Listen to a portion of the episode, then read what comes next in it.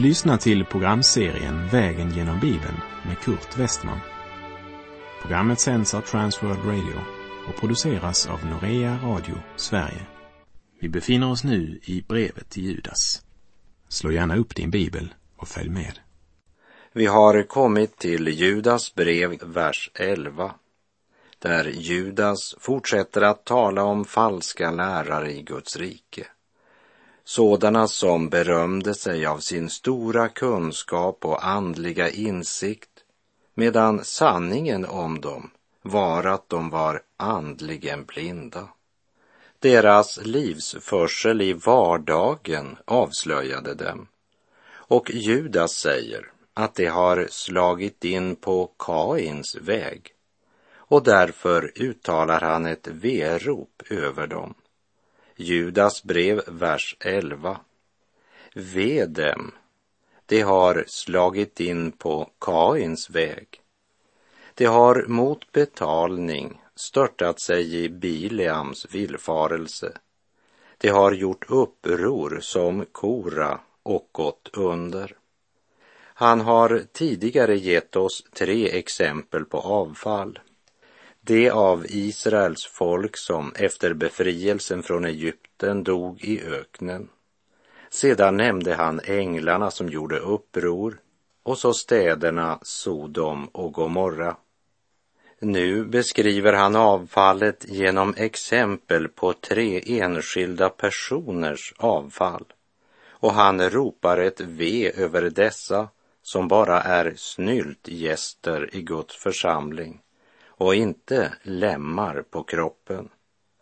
Djupast sett arbetar de egentligen bara för egna intressen, vilket dock är väl kamouflerat bakom en andlig fasad. Det har slagit in på Kains väg. Vad var det som kännetecknade Kain? Han blev skyldig till sin broders död och Judas placerar dessa villolärare just i den kategorin. Kain var religiöst aktiv, men inte på Guds villkor.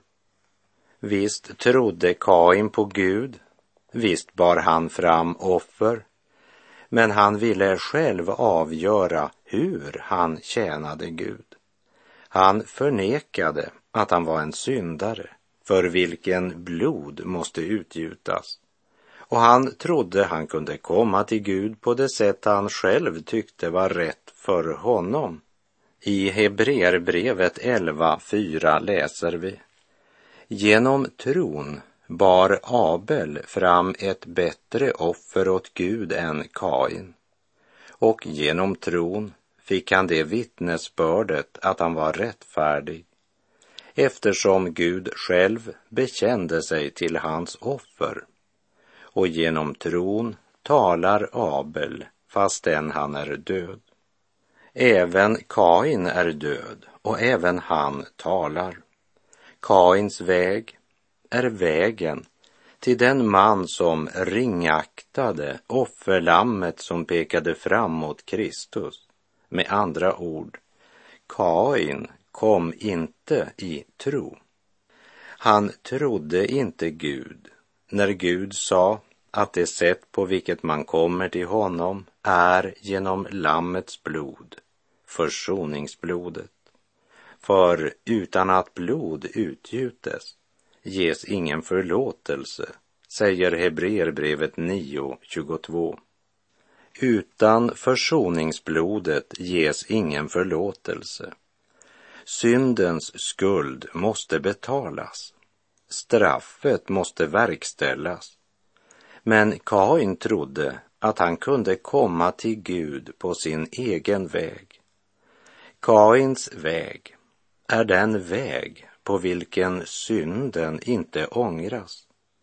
Det talar om sådana som bara vill slippa syndens konsekvens och det är en talande bild på vår tids avfall från Gud. Kain trodde på religionen och på Gud, men han gjorde det på sitt sätt, precis som många liberaler idag gör. Jag har min tro, säger det. Eller, jag tror på mitt sätt. Ve dem, ropar Judas. För han vet att straffet och domen väntar alla dem som slagit in på Kains väg. Det är inte Guds ord och Guds heliga vilja som är centrum i deras liv. Det har mot betalning störtat sig i Bileams villfarelse. I Petrus andra brev beskrivs Bileams väg. I Johannes uppenbarelsebokens andra kapitel, vers 14 beskrivs Bileams lära. Men något har jag emot dig, att du har några där som håller sig till Bileams lära. Han som lärde Balak att sätta ut en fälla för Israels barn så att de åt kött från avgudaoffer och bedrev otukt. I Petrus andra brev ser vi vad det var som försvagade Bileams andliga liv och förde honom in i självbedrägeri. Det var girigheten. Och girighet är synd. Ty kärleken till pengar är en rot till allt ont.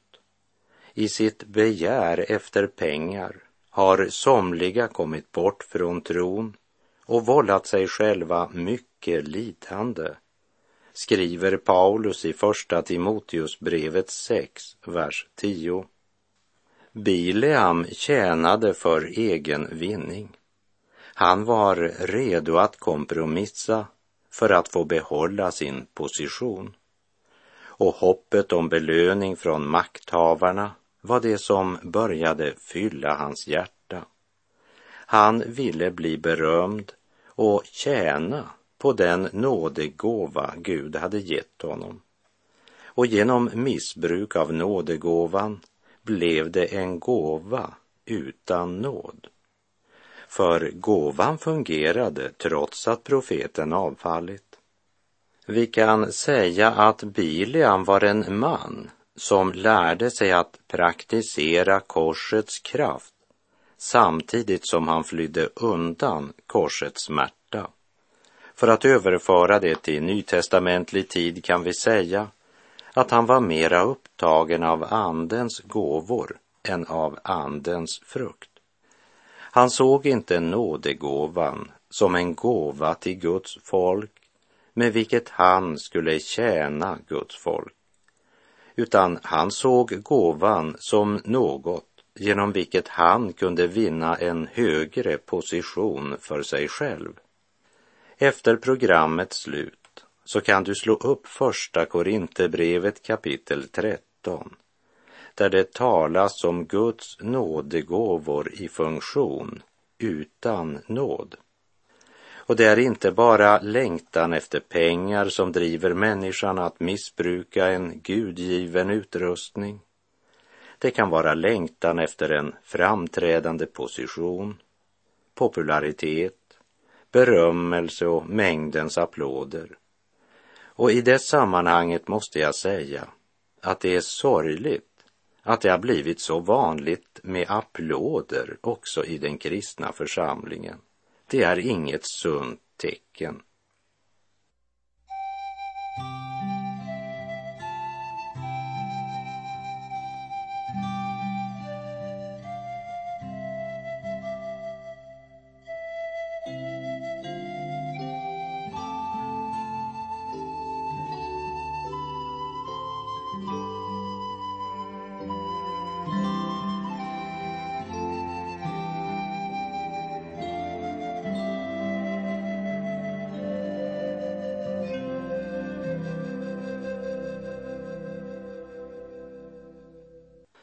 Det har mot betalning störtat sig i Bileams villfarelse. Från vår vandring genom fjärde Mosebok kapitlen 22, 23 och 24 minns vi att till och med när kung Balak utlovade stor lön till Bileam för att få Bileam att förbanna Israel så gjorde Gud det omöjligt för honom att uttala denna förbannelse. Men Bileam fann ett annat sätt att få del i den jordiska rikedom och ära som kung Balak erbjöd honom.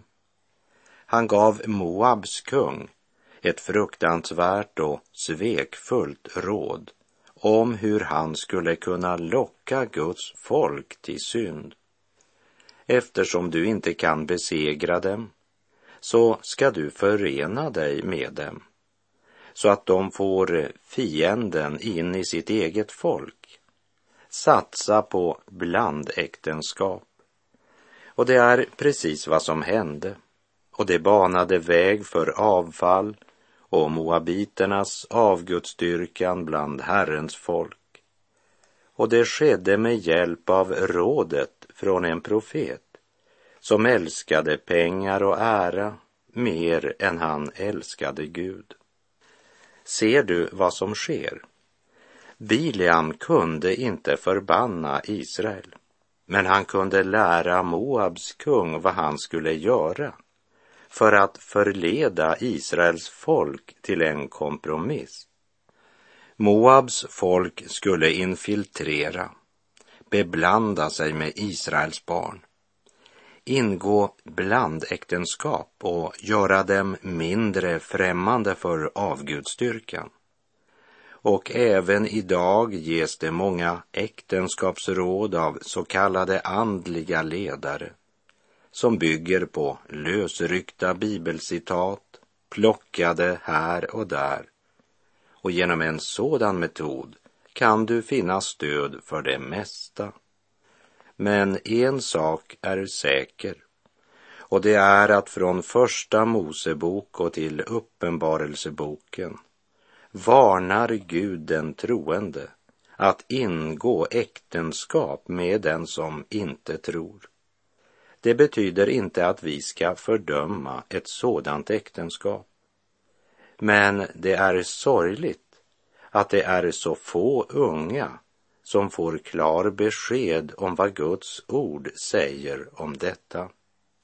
Bileams stora misstag, som Judas brev talar om, var att Bileam trodde att Gud var tvungen att straffa Israel för deras synder Eftersom Gud är rättfärdig så var han ju tvungen att förbanna Israel.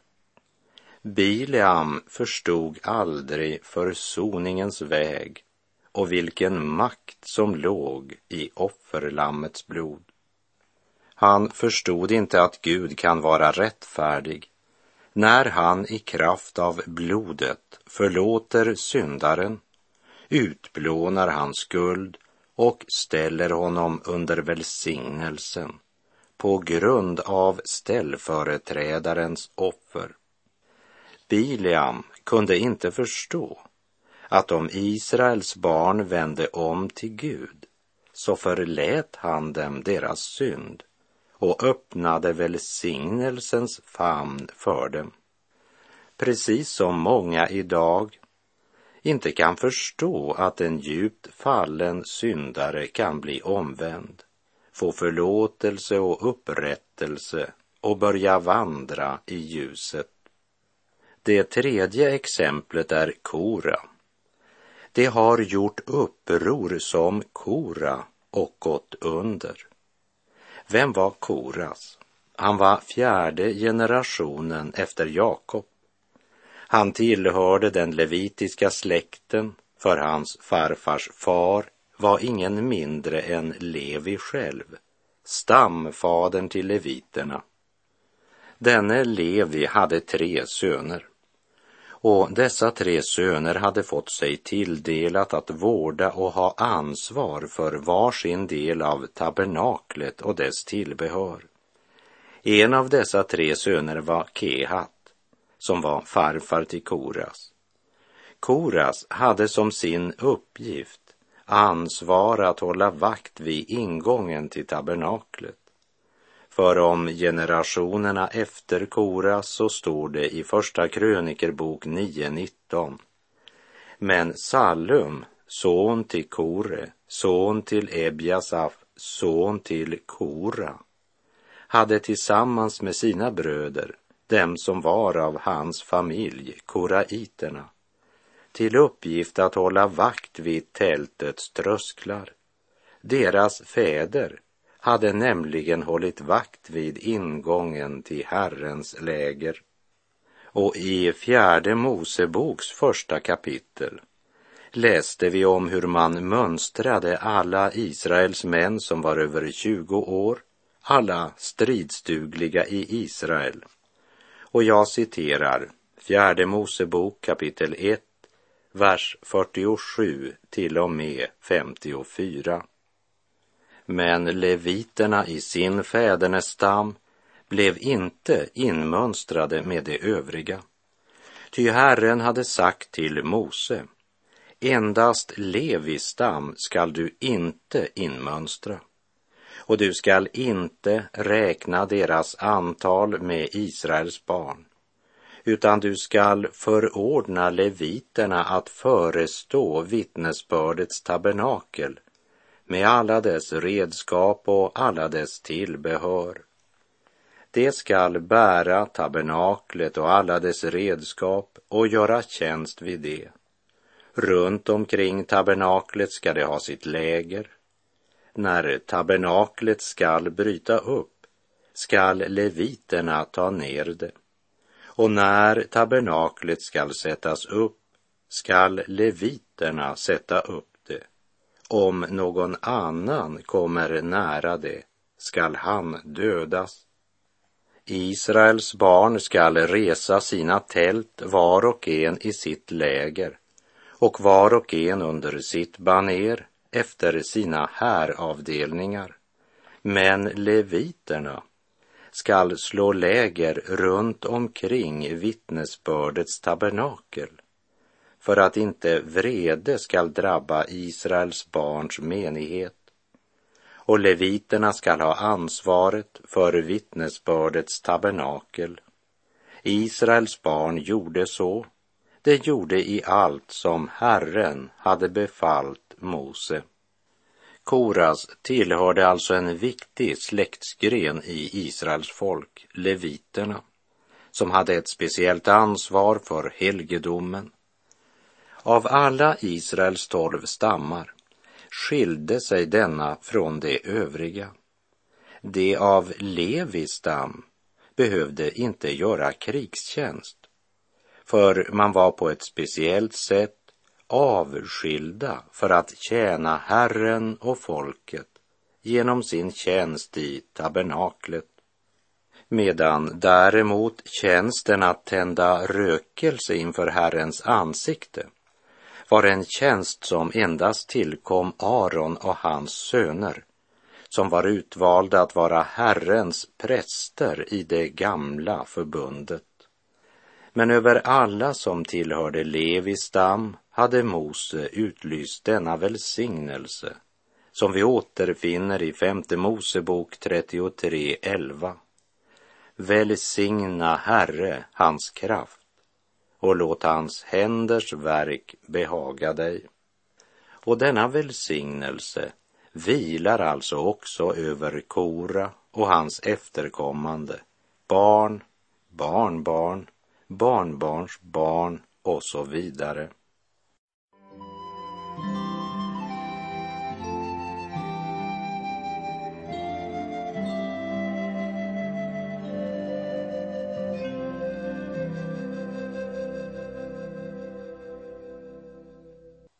Leviten Kora och hans släkt tillhörde alltså det bland Guds egendomsfolk Israel som var speciellt utvalda att göra tjänst för Herren.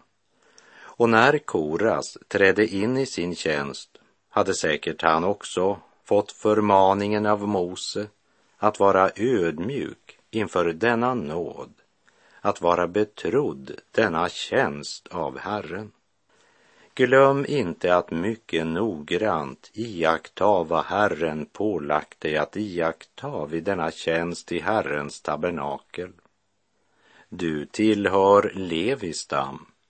Du är befriad från krigstjänst, men ansvarig inför den helige Gud. Han som i sin nåd anförtrott dig att ha ansvar för vakthållningen vid ingången till helgedomen och övervaka Herrens helgedom.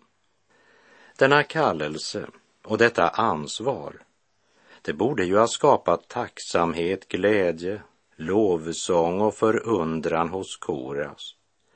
Men istället för att tacka Gud för denna gärning och plats som han blivit anförtrodd blir han upptagen av att själv få vara något, själv få avgöra och bestämma, själv få synas och stå i centrum. Alltså ett Guds barn som är missnöjd med sin lott. Och för att säga det som en ung kille i Slovakien uttryckte det, han sa så här. Ju mera en människa klagar över sin lott i livet, desto mera är han fylld av sig själv. Eller som skriften uttrycker det i Judas brev, vers 16. De knotar och klagar och följer sina begär. De är stora i orden och smickrar dem de kan ha nytta av. På Koras väg knotar och klagar man och är missnöjd. Koras var missnöjd. Han kände sig orättfärdigt behandlad. Han var en av dem som är mycket mer upptagna av vilka rättigheter han hade än på vilka skyldigheter han hade mot dem som Gud satt honom att tjäna. Han gör inte som Mose, att han träder in inför Herrens ansikte för att låta Gud tala. Guds befallning är inte det viktigaste för Koras. Nej, för Koras gäller det att samla skarorna omkring sig själv. Och så börjar han att samla det som han räknade som trogna, ja, inte trogna mot Herren, men trogna mot Koras. Det vill säga alla dem som han räknade med skulle ta hans parti i striden. Och han lyckades faktiskt få med sig cirka 250 stycken av Israels barn, hövdingar i menigheten, ombud i församlingen, ansedda män. Hur kunde de låta sig luras av Koras? Jo, därför att det lät ju så riktigt det han sa. Koras vänder sig till ombuden i församlingen och säger, nu får det vara nog. Vi har fått en massa lagar och förordningar utan att vi blivit tillfrågade. Här kommer Mose och Aron, en med det ena, en med det andra. Det är lagen om brännoffer, lagen om spisoffer, lagen om tackoffer, lagen om syndoffer och så vidare. Ingen frågar efter vad ni tycker eller vad jag tycker, hur vi upplever detta. Även vi borde få vara med och bestämma detta, inte bara Mose och Aron. Sedan vänder sig Koras till Mose och Aron med följande ord. Nu får det vara nog. Hela menigheten är ju helig. Alla är det. Och Herren är mitt ibland dem. Varför upphäver ni er då över Herrens församling? Alltså, under sken av att tala hela församlingens sak vill han själv skaffa sig den position som Gud gett åt Mose och Aron. Och det här, det var ett budskap som behagade vissa av ombuden i församlingen. Det är som jag tycker mig höra dem säga, lyssna på Kora. Han sätter verkligen värde på oss. Han uppskattar oss och tror på oss. Han tycker att vi ska vara som Mose och Aron. Och det var säkert också så Gud hade tänkt det. Kora har talat bra. Vi stöder honom. Det låter så riktigt det han säger. Ja, för den kötslige så kunde knappast något låta mera rätt än det Kora här säger. Gud har tänt ett helt nytt ljus genom vår vän Kora. Låt oss ta vara på det. Judas brev kallar det för Kains väg. Vedem, det har slagit in på Kains väg. Det har mot betalning störtat sig i Bileams villfarelse. Det har gjort uppror som Kora och gått under. Koras går på Kains väg och på den vägen är man självcentrum. Koras glömmer att det var Gud som kallat Mose till uppgiften. Det var inte Mose själv som erbjudit sig till denna tjänst. Mose ansåg sig själv ovärdig denna stora uppgift, medan Koras menar att det är inte mer än rätt att han får denna tjänst. Koras är missnöjd, både med sin plats i församlingen och med själva församlingen. Och det måste han göra något åt om han ska orka vara kvar. Och han är väl medveten om att ska han kunna uppnå sina personliga mål så måste han få både Mose och Aron avsatta. Auktoriteterna måste bort. Därför sår han tvivel omkring de andliga ledarna. Skulle Gud bara tala genom Mose och Aron? Vi hör återklangen från Edens lustgård, skulle Gud ha sagt. Med detta menar jag inte att vi inte ska kunna ifrågasätta en andlig ledares ord. Men vi bör vara på vakt mot sådana som likt Koras bara är ute efter en egen position, men som ger sig ut för att bara värdesätta trossyskonen mera. De är stora i orden och smickrar dem som de kan ha nytta av, som Judas uttrycker det i vers 16.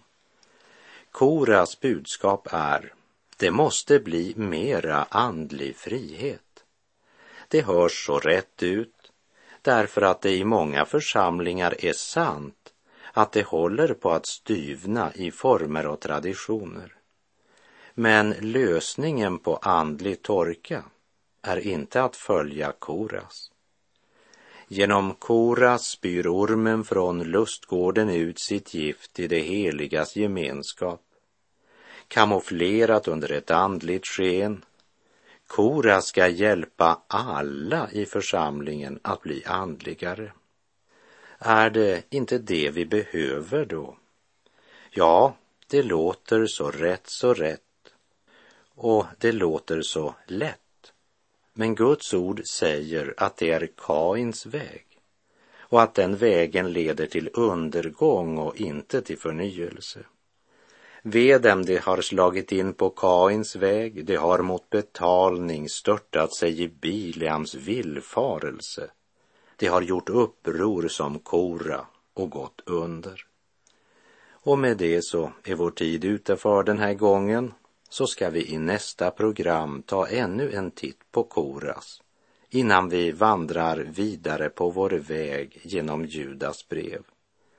Må Herren i vår andliga torka bevara oss från att slå in på Kains väg, där man gör Koras sällskap i kötsligt uppror. Herren vare med dig, må hans välsignelse vila över dig. Gud är god. Du har lyssnat till programserien Vägen genom Bibeln med Kurt Westman som sänds av Transworld Radio. Programserien är producerad av Norea Radio Sverige. Om du önskar mer information om vårt radiomissionsarbete så skriv till Norea Radio Sverige, box 3419 103 68, Stockholm.